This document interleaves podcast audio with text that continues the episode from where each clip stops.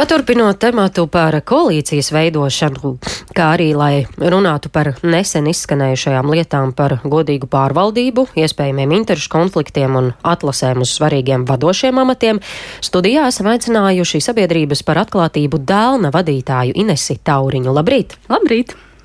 Par koalīcijas veidošanu šīs pusstundas sākumā par to sākām runāt. Kā jūs vērtējat pašreiz to, kā šīs sarunas notiek un eh, par to, kā iespējams varētu šī koalīcija izskatīties galu galā?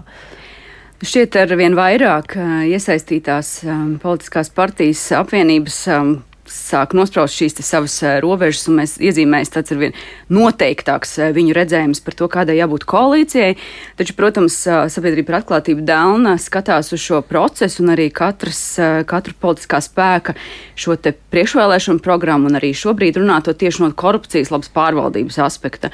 Un šajā ziņā mums ir svarīgi sekot līdzi un sadzirdēt, vai tad. Vai tad šie jautājumi ir dienas kārtībā? Un, nu, Te mēs varam runāt, protams, atkal par to, vai trīs vai četru partiju, eh, frakciju partiju pārstāvju modelis, bet um, Jāsaka tā, ka būtu ļoti svarīgi Dānas ieskatā, ka šie kor korupcijas jautājumi tiešām ir aktuāli, un tur mēs redzam, ka tas progresīvo tāda, tāds skatījums un uh, redzējums un arī pat prasības un uzstādījumi ir jāņem vērā. Nu jā, Dēlna pētnieks Olafs Grigus arī iepriekš uzsvēra, ka oligarhus un Krieviju atbalstošo politisko spēku iekļūšana koalīcijā ir nesavienojama ar līdzšinējo Latvijas eiroatlantisko kursu. Tādēļ saimas nākotnē būšot atkarīga no koalīcijas kodola spējas sadarboties ar apvienoto sarakstu un progresīvajiem. Kuri ir tie oligarhus un Krieviju atbalstošie spēki?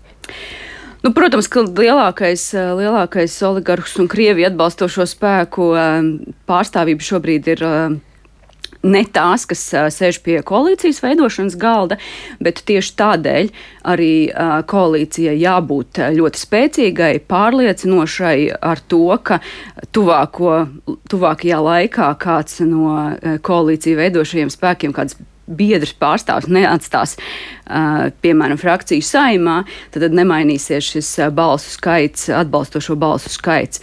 Un tāpēc mēs uzsveram, ka tiešām šai, šajā gadījumā ir jāskatās uz to, lai koalīcija ir spēcīga, stabila, ilgtermiņā un ne tikai tādā šobrīd šī brīža situācijā.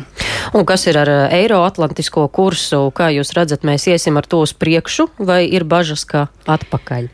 Nu, pagaidām tik tālu, cik tālu notiek šīs sarunas, tad uh, kamēr notiek sarunas, tikmēr jau pagaidām viss ir kārtībā. Mēs drīzāk sakam, ka mēs uzmanīgi sekosim līdzi, tad, kad saima un arī jaunā valdība ķersies pie darbiem, un uh, tur ļoti rūpīgi vērosim, lai šīs te, uh, atpakaļ virzība. Ne labas pārvaldības, ne korupcijas mazināšanas, ne arī šajā Eiroatlantiskajā virzienā nemazinātos. Jā, un pārējot pie citām aktualitātēm, nesen tātad Dālni iesniedz iniciatīvu Mana balss LV, lai premjeram prasītu uzdot zemkopības ministram atcelt Latvijas valsts mežu valdi un padomi, arī organizēt jaunu un godīgu padomas locekļu atlases kon konkursu un iecelt jaunu padomi. Par ko liecina tas, ka šī valde ir izraudzīta negodprātīgi? Nu, šajā gadījumā uh, par to liecina uh, un uh, ir sākuši runāt atlases komisijas neatkarīgie dalībnieki. Un šeit vēlos uzsvērt, ka tā prakse, ka nozīmīgu amatpersonu atlasē piedalās arī neatkarīgi komisiju locekļi, no nevalstiskām organizācijām ekspertiem ir ļoti būtiski, jo šeit mēs redzam, ka tieši tie ir sākuši runāt, ka viņu ieskatā, viņu redzējumā ir neskaitāmi jautājumi, kas liek domāt par to, ka visdrīzāk visgodprātīgākais un labākais process šeit nav noticis. Un tieši tādēļ arī Dāna ir izveidojusi un iesnieguši šo iniciatīvu, bet, protams, ne tikai šī viena jautājumu loka dēļ, bet arī daudz citu apstākļu saistībā. Jo arī žurnālisti ir par šo Latvijas valsts meža padomu un valdi ļoti daudz mums stāstījuši par lietām, kas mums šķiet nepieņemamas. Par ko ir bažas, ja šī valde turpinātu darboties Latvijas valsts mežos? Šeit es vēlos šo varbūt paskatīties, aicināt paskatīties mazliet plašāk uz šo jautājumu. Ja tas būtu viens privāts uzņēmums, tad, protams, īpašnieks varētu teikt, es labi sastrādājos ar šo cilvēku, man viņš labi patīk, tāpēc, lai viņš strādā un vada šo uzņēmumu. Taču Latvijas valsts meži ir tomēr valsts uzņēmums, un uh, tam ir jāstrādā visas sabiedrības interesēs, un arī atlases procesam uh, pie amatpersonām, un tā skaitā tātad līdz ar to šīm te uzņēmumu vadītājiem ir jābūt vislabākajiem, ko mēs varam atrast. Un ja, mums, ja mēs redzam, ka rodās jautājumi, vai tiešām konkrētais valdes priekšsēdētājs ar ir tiešām precīzi atbilst šiem izvirzītajiem kritērijiem, kādam ir jābūt valdes priekšsēdētājiem. Mums, mēs redzam, ka diez vai par 100 un plus procentiem, nu tad vajadzētu darīt tā, lai tomēr viņš ir vislabākais iespējamais. Varbūt tur vienkārši nebija citu labāku. Jā, bet mēs esam redzējuši arī, piemēram, Dāna šī gada sākumā piedalījās visu Latvijas augstskolu padomju atlases procesā, un tur arī, ja mēs redzējām, ka nav ļoti labi kandidāti, ko virzīt tālāk apstiprināšanai. Tad komisija, jā, tas nebija viegls lēmums, jā, tas prasa drosmi, bet tomēr komisija lēma, nē, mēs pagarinām šo konkursu vai rīkojam jaunu konkursu un meklējam labākos. Kā šobrīd sokas ar šo mana balss LV parakstu vākšanu? Cik daudzi jau ir atbalstījuši?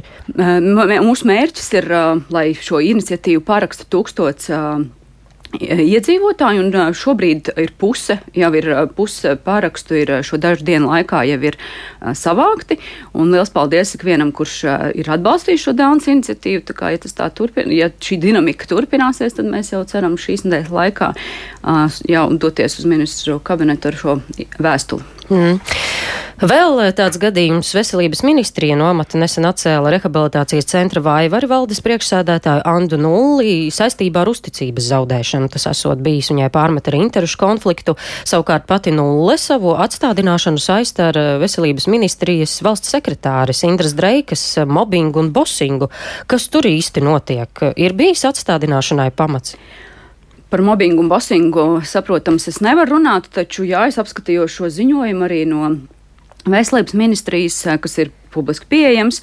Un, nu, fakti runā paši par sevi. Un šeit laikam ir jāatskat, jāsaka, ka atkal ir tas jautājums par daudzu amatpersonu izpratni, kas tad ir interešu konflikts, kas ir iespējams interešu konflikts, kāda ir amatpersonas reputācija un tam līdzīgi. Un šeit mēs redzam, ka ļoti daudzi tādi aspekti Nulles kundzes darbībā tomēr raisa jautājumus, nu, vai tiešām šie interešu konflikti maksimāli nav ka tieši, tiešām maksimāli nav novērsti. Jo, ja tā ir bijusi ģimenes locekļu iesaiste dar, šajā te vaivaru vai citu uzņēmumu darb, saistīto uzņēmumu darbībā, ja tā ir vēl jautājums par to divu, divu amatu pilnas slodzes šķiet amatu apvienošana, tad, nu, tāpat tās arī jautājums par telpu izmantošanu un vēl citi. Nu, tie jau ir tādi, kur tāds varbūt mobbings, bosings varbūt fonā, bet nu, fakti liecina paši par sevi, ka uh, drīzāk amatpersona tā par visiem simt procentiem nav uh, novērsusi šos interešu konfliktus, jo tas, ka uh, nereti šādās vai līdzīgās situācijās amatpersonas aizbildinās, jā, bet šos lēmumus es personīgi nepieņēmu, tos pieņēma otrs valdes loceklis vai tam līdzīgi.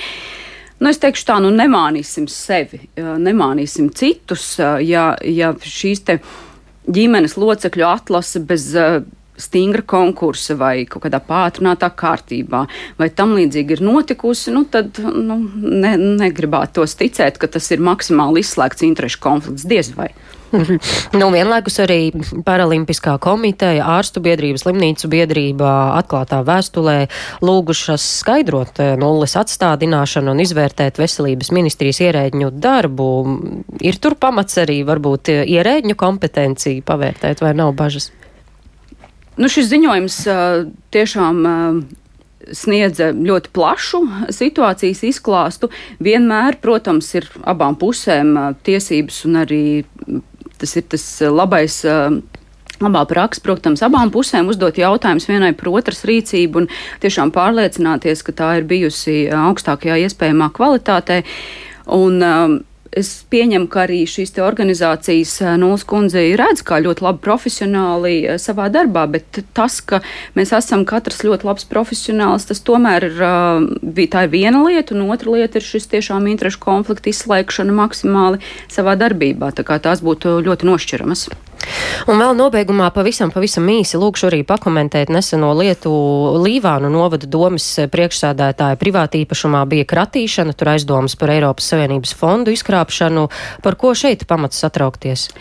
Šis ir tas gadījums, kad uh, Jau pirms gada pie Dēlnes arī vērsās trauksmes cēlājs mūsu trauksmes celšanas centrā un ziņoja par ļoti līdzīgu gadījumu uh, Līvānu uh, novada domē, un mēs esam uh, arī informēti par vienu citu vēl pāris uh, gadus iepriekš.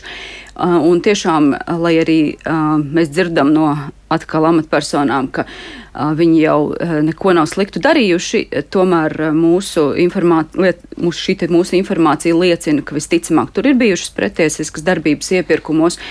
Un tas, ko mēs uh, sakam, ka šis ir viens tāds piemērs, kur visticamāk ir vēl līdzīgi gadījumi, un visticamāk, vismaz pēc mums zināmās informācijas, šī nav vienīgā pašvaldība, diemžēl.